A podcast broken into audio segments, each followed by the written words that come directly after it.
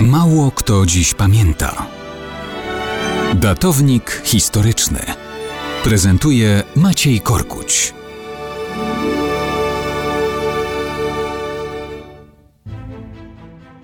Mało kto dziś pamięta, że 10 października 1921 roku proklamowano Królestwo Kurdystanu. Królestwo, które było wymarzonym państwem Kurdów, które było i zniknęło.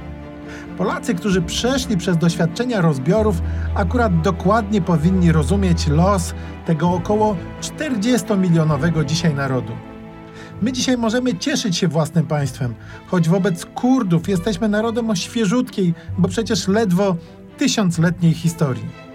Tak jak my, Kurdowie są Indoeuropejczykami. Swoje dzieje zaczynają w głębokiej starożytności, wiele wieków przed naszą erą. Przez stulecia żyli pod panowaniem Persów. Potem podbili ich Arabowie, a w wieku XI Turcy Seldżucy. Mało kto wie, że Saladyn, który odebrał krzyżowcom Jerozolimę w XII wieku, był Kurdem właśnie. Później były wieki panowania tureckiego.